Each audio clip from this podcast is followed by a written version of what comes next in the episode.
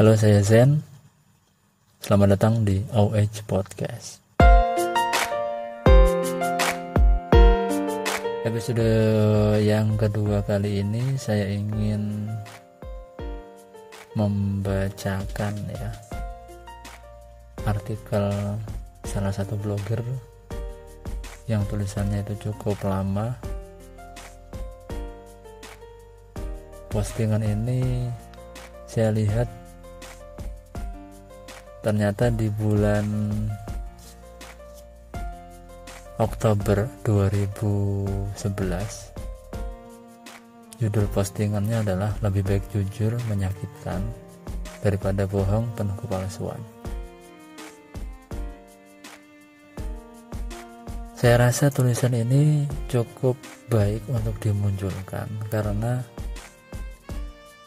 tulisan ini mungkin jarang yang tahu bahkan mungkin gak ada yang mengunjungi ya blognya ini ya. Jadi sayang-sayang kalau pesan dari orang ini tidak tersampaikan kepada orang banyak ya. Jadi saya lebih baik sampaikan tapi tetap menyantumkan nama blognya di deskripsi video ini.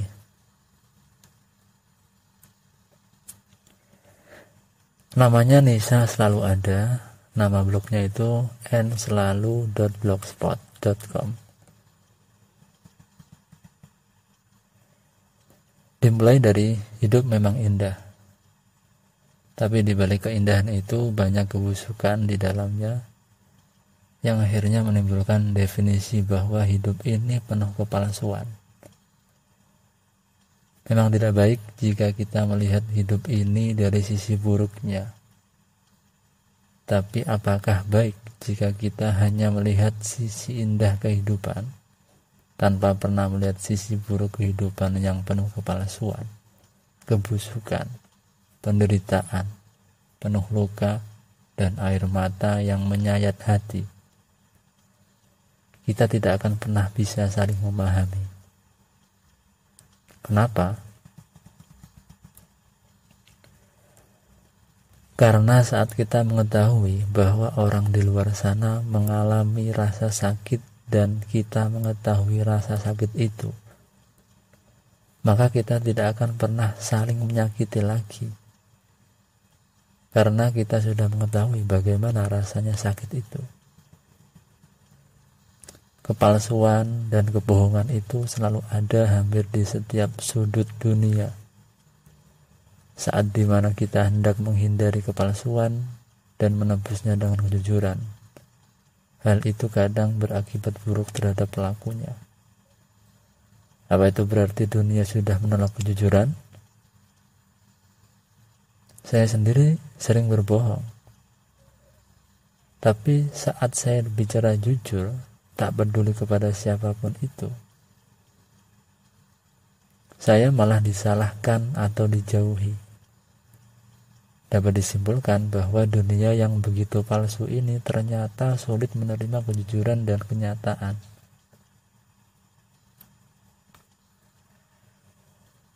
Saat seseorang mengungkap kenyataan yang ada, maka orang lain akan menjauhi dia karena mereka tidak ingin hidup dalam sebuah kenyataan. Mengapa hal ini terjadi? Jika kau bertanya seperti ini, maka jawaban saya adalah karena saya tidak ingin orang lain tahu hal buruk yang ada pada diri saya. Saya takut orang-orang menjauhi saya nantinya atau mencap saya sebagai orang yang buruk. Kalau orang lain menerimamu karena kelebihan yang ada pada dirimu, apa istimewanya? Bukankah lebih istimewa jika seseorang atau bahkan semua orang menerimamu karena ia atau mereka bisa melihat sisi baik dari dirimu yang terlihat buruk? Saya tahu kelakuan saya buruk, tapi bukan begini cara mengungkapkannya. Lalu dengan cara apa? Saat satu orang tahu kekurangan atau keburukanmu, maka kau akan berubah. Apalagi jika banyak atau bahkan semuanya. Sempat terlintas dalam benak saya.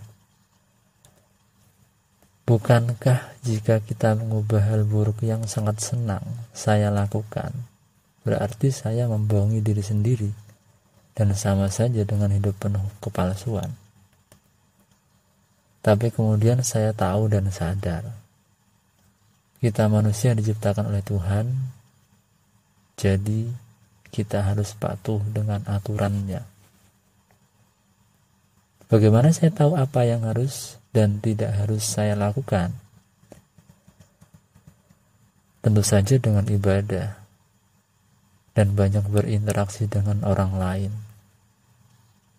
Dengan beribadah kita mendapatkan petunjuk dari Sang Pencipta. Apa yang harus kita lakukan dan apa yang sebaiknya tidak kita lakukan. Dengan berinteraksi kita jadi bisa mengendalikan diri dan tidak melakukan hal-hal buruk. Tahukah Anda bahwa kita sebaiknya menerima kejujuran baik dalam bentuk kritik ataupun kenyataan yang pahit? Kebenaran adalah hal yang akan terungkap kapan pun itu. Sayangnya, kebenaran buruk yang baru terungkap setelah sekian lama akan sangat menyakitkan.